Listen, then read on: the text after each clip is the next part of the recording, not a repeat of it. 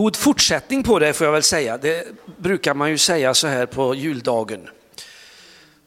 Ja. Jag, jag tänker så här nu idag, på juldagens, då, då, då tänker man ju på julevangeliet ifrån Lukas 2 tänker jag. Jag tänker också på det som Gunnar läste profetorden om att Jesus skulle komma, att kom till den här världen. Och eh, man kan ju stanna där. Men jag, jag, skulle vilja också tänka ett steg vidare, för på något vis så kan ju sådana här jul, det, det är ju viktiga tider, jag menar att vi firar jul, det, det, är ju en viktig, viktig högtid och eh, det är mycket traditioner, mycket som bara görs utav vana. Och, och eh, då kan man tänka att det, det, är inte så viktigt, men jag tror det är viktigt ändå. Sen tror jag att, det, att vi kan ta det ett steg vidare, att också att det får en personlig, att vi både som individer men också för oss som församling, som kyrka i den här staden, kyrka i det här landet, kyrkan i världen, att, att, eh, att det är på något vis ett avstamp för oss som kyrka. Och eh, sen är det roligt, kan det vara roligt med julklappar och så. Det är lite olika. Ibland kan ju detta med att julen är ju väldigt mycket grejer ofta. Och för vissa är det jätteviktigt och för andra blir det bara en plåga.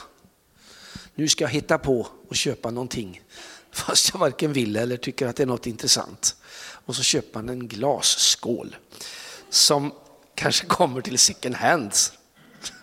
Nej, jag vet inte. Ja. Men jul, jul, har mycket, det finns mycket omkring julen, men jag hoppas att det är väl med dig. Och, eh, vi ska, vi ska, jag, ska, jag ska läsa två av de verserna som Gunnar läste ifrån Jesaja 9, kapitel 9, bara påminna om dem igen. Och, eh, det är ju så här att eh, när, när Jesaja profeterade om det här, det var ju flera hundra år innan Jesus föddes. Och människorna som levde på Jesu tid, de skriftlärda och de som var, för, för, för, eller liksom var förtrogna med profetböckerna, och de, de visste ju det här. De kände ju den här profetian. Och ska man komma ihåg att hur såg det ut i Israel när Jesus kom till jorden? Det är inte helt, fel. han föddes ju i en tid då Israel var under ockupation. Alltså Israel var bara en provins, ja egentligen provinsen Syrien var det då, hette det där borta i den delen. Men, men eh, eh, Israel var en provins i romarriket. Och eh, du, du, vet romarriket, det var när det talas om i, i sen i att alla skulle skattskrivas hela världen kan vi läsa. Då tänker vi, hur då hela världen? Men på den tiden då tänkte man världen, det var romarriket. Och det var ifrån Portugal, Spanien, Frankrike, Italien, Grekland, nuvarande Turkiet och Syrien och så vidare, ända bort till Marocko. Nordafrika, hela, det var liksom världen. Den världen. Och eh, du vet att Medelhavet kallade ju romarna Mare Nostrum, det var alltså vårt hav. Det var inte dåligt, det var ganska kaxigt. Det är vårt hav det här. Och, och eh, det var i den tiden som Jesus kom till jorden. Och eh,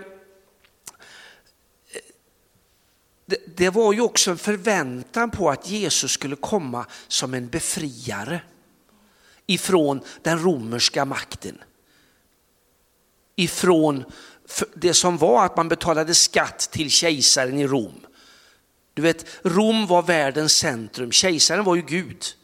Man tillbad ju Gud, eller tillbad kejsaren. Och eh, du vet, alla vägar bär till Rom. Det har du hört. De vägarna finns ju fortfarande kvar. Det är jättefascinerande om man kommer till, till, eh, till ehm, speciellt i Italien, då, där, det finns ju de här, man gjorde ju vägar som var så bra så de hållit i 2000, drygt 2000 år. Och fortfarande går det att köra bil på nu då, det fanns ju inga bilar då. Så man kunde ju faktiskt bygga vägar. Och det finns broar i Rom som fortfarande, som man kan tänka sig att då Paulus gick på. Gick över, ganska häftigt. Men det var alltså en tid utav ja, delvis förtryck, i, i, i Israel. Och eh, här kommer då Jesus. Och då, då när man hör profet, profetian här, folk som vandrar i mörkret ska se ett stort ljus, över de som bor i dödsskuggans land ska ljus stråla fram. Det var vers 2 i Jesaja 9. Och sen vers 6 står det, ty ett barn blir oss fött, en son blir oss given. På hans axlar vilar hela rummet och hans namn är underbar rådgivare, mäktig Gud, evig fader, fridsfursten. Och eh, detta fanns liksom hos eh, juden. Detta var liksom ett, ett levande ord för dem. Och eh, så kommer ju då det att Jesus föds och då har vi det som vi brukar kalla julevangeliet i Lukas 2. Jag tror inte jag läser hela det nu, men att eh, förhoppningsvis har du läst det. Har du inte gjort det kan du göra det när du kommer hem. För det, det, det är ju en, en, ganska intressant berättelse. Hur, det finns ju jättemycket att säga om den. Men, men, men att eh, Det ena är ju att eh, Jesus föddes ju inte som en kung direkt. En jordisk kung, bara där blev det ju en krock då. Man förväntade sig kanske en jordisk befriare. Någon som skulle liksom befria ifrån förtrycket ifrån romarna. Och så, och så, så kommer då Gud ner till jorden i, i, i de mest enkla förhållanden som man kan tänka sig egentligen då, i ett stall. Du, om du var med igår på den här jultimman vi hade här, då, då, alltså Jesus föddes i ett stall. Han lades i en krubba där man matar djuren. Och eh, det var ju inte så kungalikt.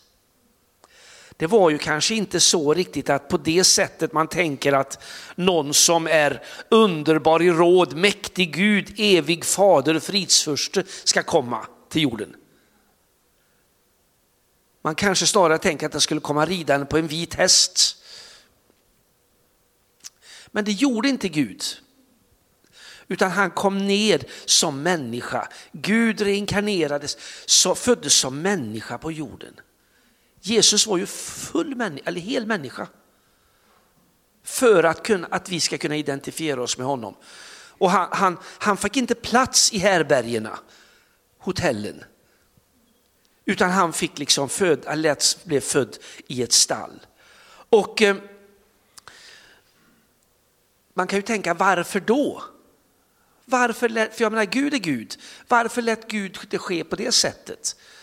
Ja, kanske det var för att vi har ju en tendens att vilja upphöja saker på ett felaktigt sätt. Och Jesus han vill ju bli ärad. Men han vill inte bli på det sättet upphöjd och satt på någon pedestal. Utan det var ju det som var det stora. Gud kom ned till jorden. Och han böjde sig och drog oss upp. Ur fördärvets grop kan vi läsa. Alltså han, och det ser, våra, våra, våra liv ser olika ut som finns här inne. Vissa av oss kanske har en mer konkret fördärvets grop som vi har blivit uppdragna ur. Medan, men alla har, om vi har tagit emot Jesus som vår frälsare, så, så finns det någonting att vi har blivit upptagna ur fördärvets grop. Och eh, att Gud då i sin stora kärlek, han, så, han älskade världen så mycket att han gav den sin enda son inte för att döma världen, utan för att världen skulle bli frälst, räddad.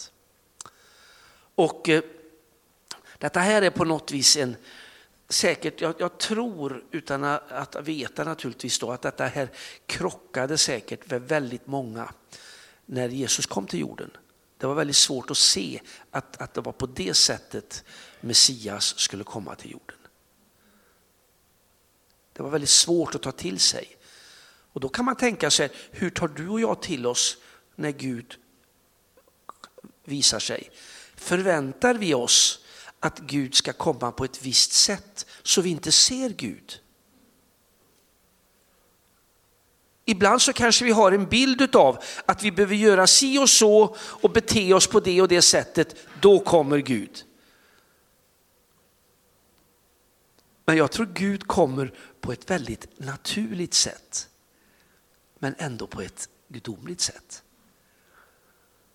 Och, och, och, en bön som jag tror vi får ha som människor, det är att, att vi kan se hur Gud verkar idag.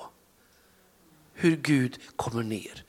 Att vi inte tror att vi måste göra vissa saker för att Gud ska komma. För Gud har kommit och Gud är. Du och jag kan inte beordra Gud att komma. Vet du vad det är? Det är högmod. Men vi vill gärna ha det så, för vi, vi vill gärna tänka att vi är, jag är viktig. Och jag är viktig på ett sätt. Det är inte det, är inte, det, är inte det att jag inte är, men, men, men det är Gud som är Gud. Och Gud är historiens Gud, universums skapare.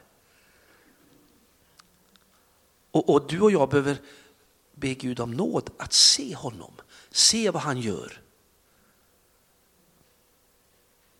Vi pratade lite innan här, Gunnar nämnde att vi kan se hur, hur jag tror Gud verkat genom SVT en hel del det sista. Det har gjorts reklam för hur, hur man kan skänka pengar till Frälsningsarmén och till olika grejer. Så, som jag tror barmhärtighet är av Gud. Eller hur? Finns det någon barmhärtighet som inte är av Gud? Fundera på det. Eller är all barmhärtighet av Gud? Barmhärtighet är ju någonting jag gör för, inte för egen vinnings skull. Gör jag det för att få beröm för egen vinnings skull, ja då är det inte barmhärtighet egentligen. Kan en människa som inte har mött Gud vara barmhärtig? Okay, får fundera på det lite grann. Men Jesus föddes hit till jorden. Och sen, så, sen vet du då i, i, i, i, eh, i det här julevangeliet så läser vi då hur ängeln kommer. Du kan ju tänka det här, det fanns inga ledlampor, det var inga neonskyltar, det var kolsvart. Jag har haft förmånen att få sova under bar himmel med beduiner i Sinai uppe på, nästan uppe där Mose fick, tror man tror att Mose fick budorden. Och det är svart så det skriker, men det finns en stjärnhimmel, men det är kolsvart. Becksvart är det. Och eh, där kommer det en stor ljusgestalt. Flaff! Hur skulle du reagera? Man blir jätterädd. Ganska naturligt va? Jag tror inte att du säger, åh härligt, Gud nu är du här. Nej, de blir jätterädda, de är änglarna. De blir vettsförskrämda. Precis som jag tror vi alla skulle ha blivit. Och så säger ju första hälsningen då som ängeln säger, och det säger ju faktiskt ängeln många gånger, när, när ängeln visar sig för Gud, det var ju samma när han visade sig för Maria när hon skulle bli havande med Jesus. Då säger hon, så var inte rädd. Det var Guds hälsning. Du behöver aldrig vara rädd för Gud. Att frukta Gud är inte att vara rädd för Gud. Var inte rädd. Står, vi, kan, vi kan se från vers 9 där, står det så här. Då stod en Herrens ängel framför dem och Herrens härlighet lyste omkring dem och de blev mycket förskräckta. Men ängeln sa, var inte förskräckta eller var inte rädd. Se, jag bär bud till er om en stor glädje för hela folket. Ty idag har en frälsare blivit född åt er i Davids stad och han är Messias, Herren. Och detta tecknet ska ni finna, att ett nyfött barn som är lindat och ligger i en krubba. Och plötsligt var det tillsammans med ängeln en stor skara med änglar. Kan du se det här skådespelet? Och så sjunger de precis som vi sjöng förut här. Ära vare Gud i höjden och frid på jorden till människorna, hans välbehag. Och sen for änglarna upp till himlen igen. Och vad gör, vad gör herdarna då? Jo, nu måste de ju se, stämmer det här? De var nog ganska omtumlade tror jag. Och så, och så Och så vet, så vet du resten då, att de, de kommer dit och de fann Maria och så vidare. Och så berättar de ju vad de hade sett. Detta hade ju inte Josef och Maria sett. De var där i krubban med en nyfödd liten bebis som kanske skrek och, och inte ville sova och, och, och, kanske var svårt att amma och vad vet jag. De var ju människor och Jesus var en människa fast han var Guds son. Det var ju på riktigt, eller hur? Det var ju inte så där. Fast att eh, ibland så har vi bilder av att Jesus var en blond västeuropé. Det var han ju inte. Nej, men vi vill gärna liksom skapa sådana bilder. Ja.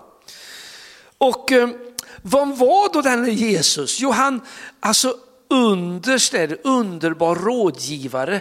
Alltså det fanns en storhet i Jesu personlighet, något som är ofattbart, något ogreppbart. Säg aldrig eller tänk aldrig att du kan förstå Jesus eller Gud. Du kan, du kan förstå fragment av honom och en del av honom. Jag brukar säga, det jag har sagt så du kanske hört det förut, men så fort vi försöker definiera Gud, då har vi begränsat honom. För vi kan inte omfatta Guds storhet. Det behöver inte betyda att det du ser och vet och kan är fel, men det är fortfarande bara ett fragment utav Guds storhet. Och eh, att han är en rådgivare, då tänker jag att, att det är någon vars ord man vill lyssna till. Eller hur? En rådgivare är ju någon, du, du, vi, vi, vi har ju fått den heliga ande som en rådgivare och en hjälpare. Men, men, och, och, och, men att en rådgivare är ju någon vars ord man vill höra. En auktoritet på något vis. Om jag ber om råd, om jag ber dig om råd, ja då är det ju någonting, någon jag vill lyssna på. Förhoppningsvis. Ibland kanske vi ber om råd bara för att, bara för att få vår egen vilja igenom ungefär. Att vi inte vill ta ansvar för vårt eget beslut. Men, men ber jag ärligt om råd, om jag ber Stefan om råd, ja då är det ju någon, då litar jag på honom att han har någonting som jag behöver, någonting som jag vill ta del av. Eller hur? Och sen så läser vi att mäktig Gud, att, att allsmäktig, det kan vi ju inte fatta riktigt. Men Gud är allsmäktig och, och Jesus är allsmäktig. Evig fader, alltså att, att Jesus intar en faderlig roll. Och, och tänker jag där lite grann, att det, det, det, det är någonting som vi får förtrösta på. En, en, den här bilden används, använder Jesus in i sina liknelser, den gode fadern. Så, och det kan ju krocka ibland för oss människor om vi har en negativ fadersbild. Men Gud är en god far. Och så är han fridsfursten. En, en, en förste, det är ju inte vem som helst, eller hur? En förste som vill upprätta frid med Gud, mellan Gud och människan först och främst försoning, förlåtelse, frälsning, vad vi kallar det för, upprättelse. En förste som upprättar frid mellan dig och Gud. Det är inte din förtjänst. Det är inte du som har valt Jesus. Han har utvalt dig. Det är en väldig skillnad på det. En förste som upprättar frid med Gud för den som vill ta emot honom. Så att, att Jesu ankomst, julen, när vi firar det, det är liksom det, det är någonting som förändrar människans läge så totalt att du och jag kan få upp, uppleva och leva i frid med Gud. En upprättad relation med det som var brutet. Paulus säger ju så här, att inte på grund av vad vi gör utan på grund av vad han har gjort. Det är också väldigt viktigt. Ibland kan det bli så att det, vi vill ju jättegärna göra oss själva så viktiga. Men det är Gud som är viktig. Och eh, sen, sen så har jag under en ganska lång tid levt i det här med att, att, att Gud är ljus, Jesus är ljus och du och jag är ljus. Känner du igen det? Det har du hört. Ja. Jag, jag måste landa i det igen lite grann.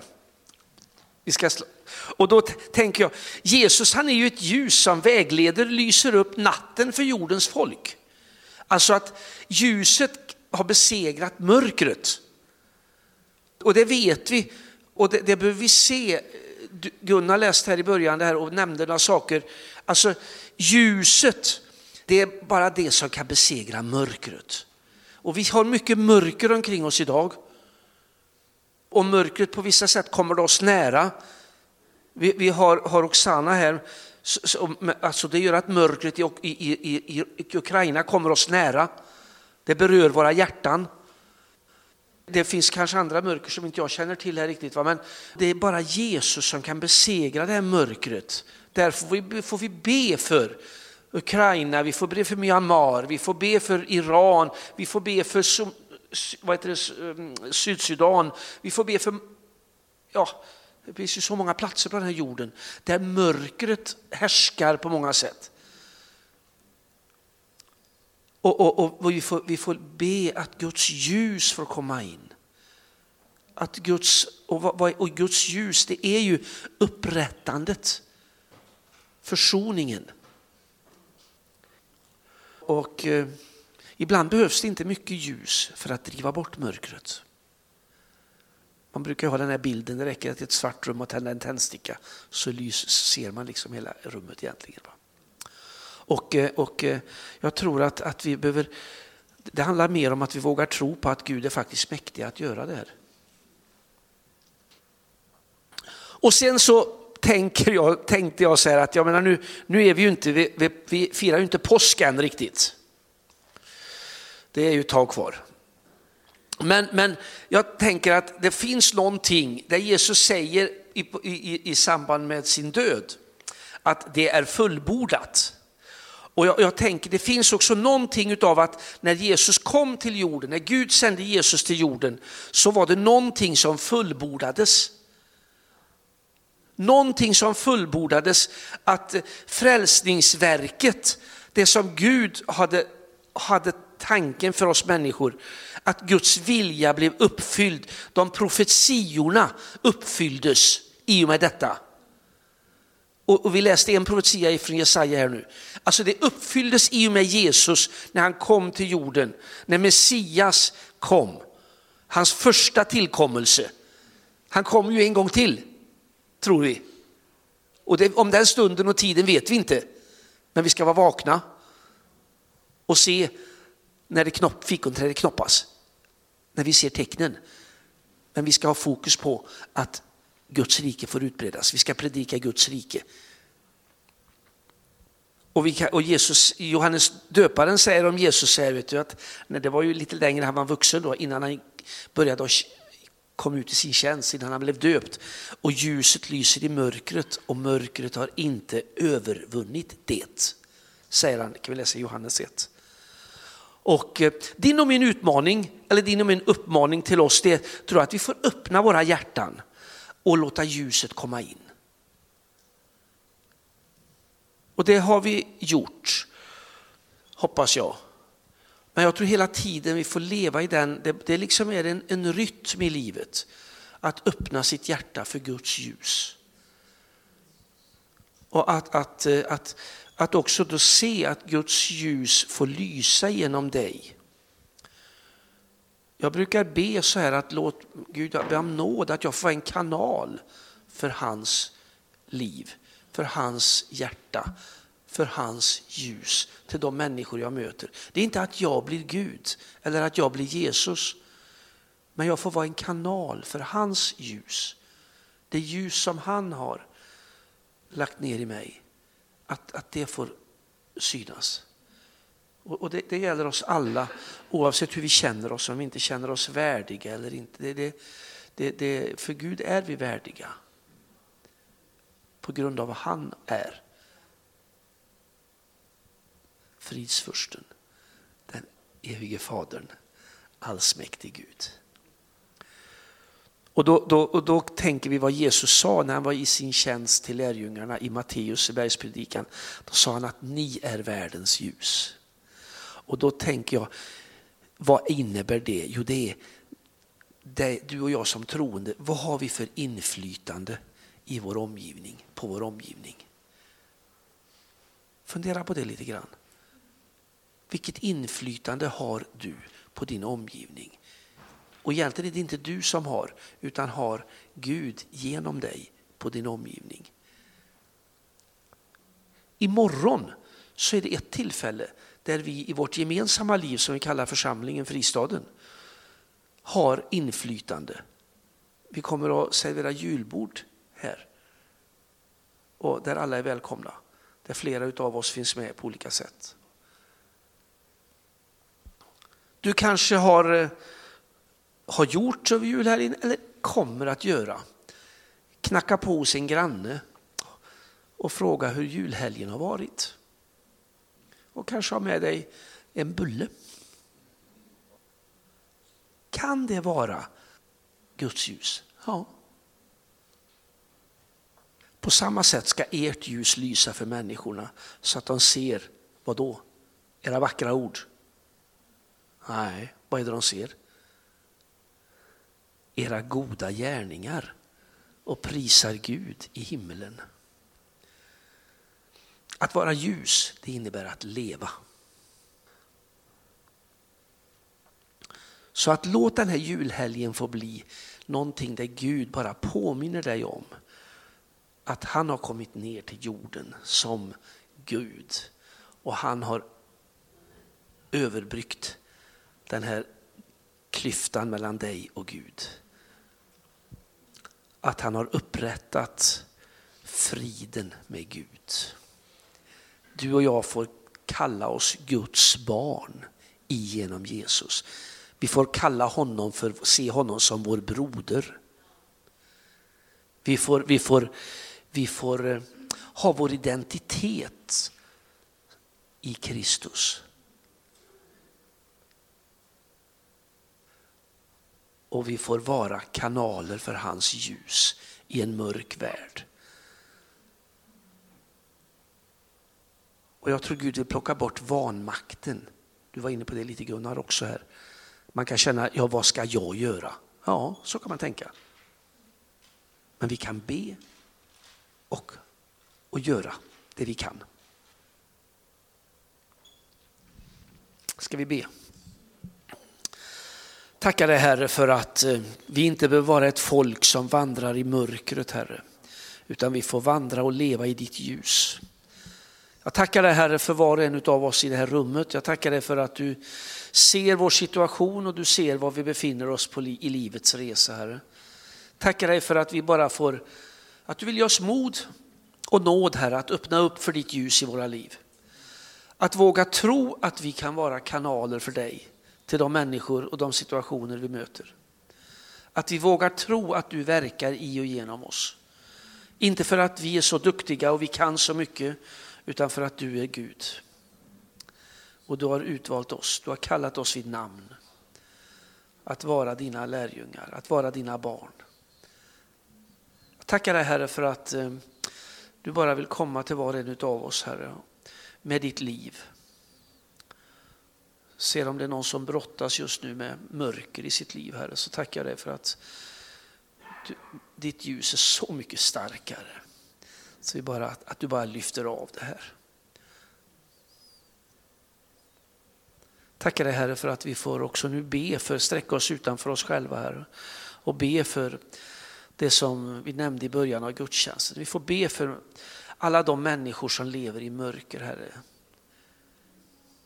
Vi får be för människorna i Ukraina Herre. Jag tackar dig Herre för att vi bara får lyfta upp dem inför dig Herre. Du ser att vi kan känna en vanmakt Herre. Du ser att vi kan tänka, vad ska jag göra Herre? Men jag tackar dig Herre för att eh, vi bara får, vi får bara be Herre. Vi får be om frid Herre och fred. Jag ber att det här kriget får ta slut Herre. Jag ber om det i Jesu namn Herre. Att, att Ukrainas folk ska få leva i frid och i fred. Jag ber för, för, inte minst för kvinnorna i, i Iran Herre. Tackar dig för att du, allt det mod som du har ingjutit i de här kvinnorna Herre, att de bara, att du, ja, att du finns med i den här processen Herre. Vi ber om en frihet för folket. Jag ber för det som sker i Myanmar, Herre. Förbarma dig över de här människorna. Och du ser alla andra saker vi kanske tänker på. Jag tackar dig Herre för att det är du som är ljus, att vi är inte ljus, men du är ljus. Och vi får vara ljus i kraft av dig Herre. Hjälp oss att se vad vi ska göra Herre. Hjälp oss att ta de steg och de saker som vi behöver ta tag i i våra egna liv Herre. Tack Herre för att du vill rensa kanalen i våra liv, Herre. att våra liv om möjligt får vara fräscha Herre. Att ditt, så att ditt ljus kan få strömma igenom oss Herre. I din nåd, i din kärlek. Jag vill också be om din frid över var och en av oss som finns i det här rummet. Jag tackar dig för att din frid får råda i våra hem, här, i våra familjer. Tackar dig för att du vakar över relationer, Herre. Du upprättar relationer. I Jesu namn. Amen.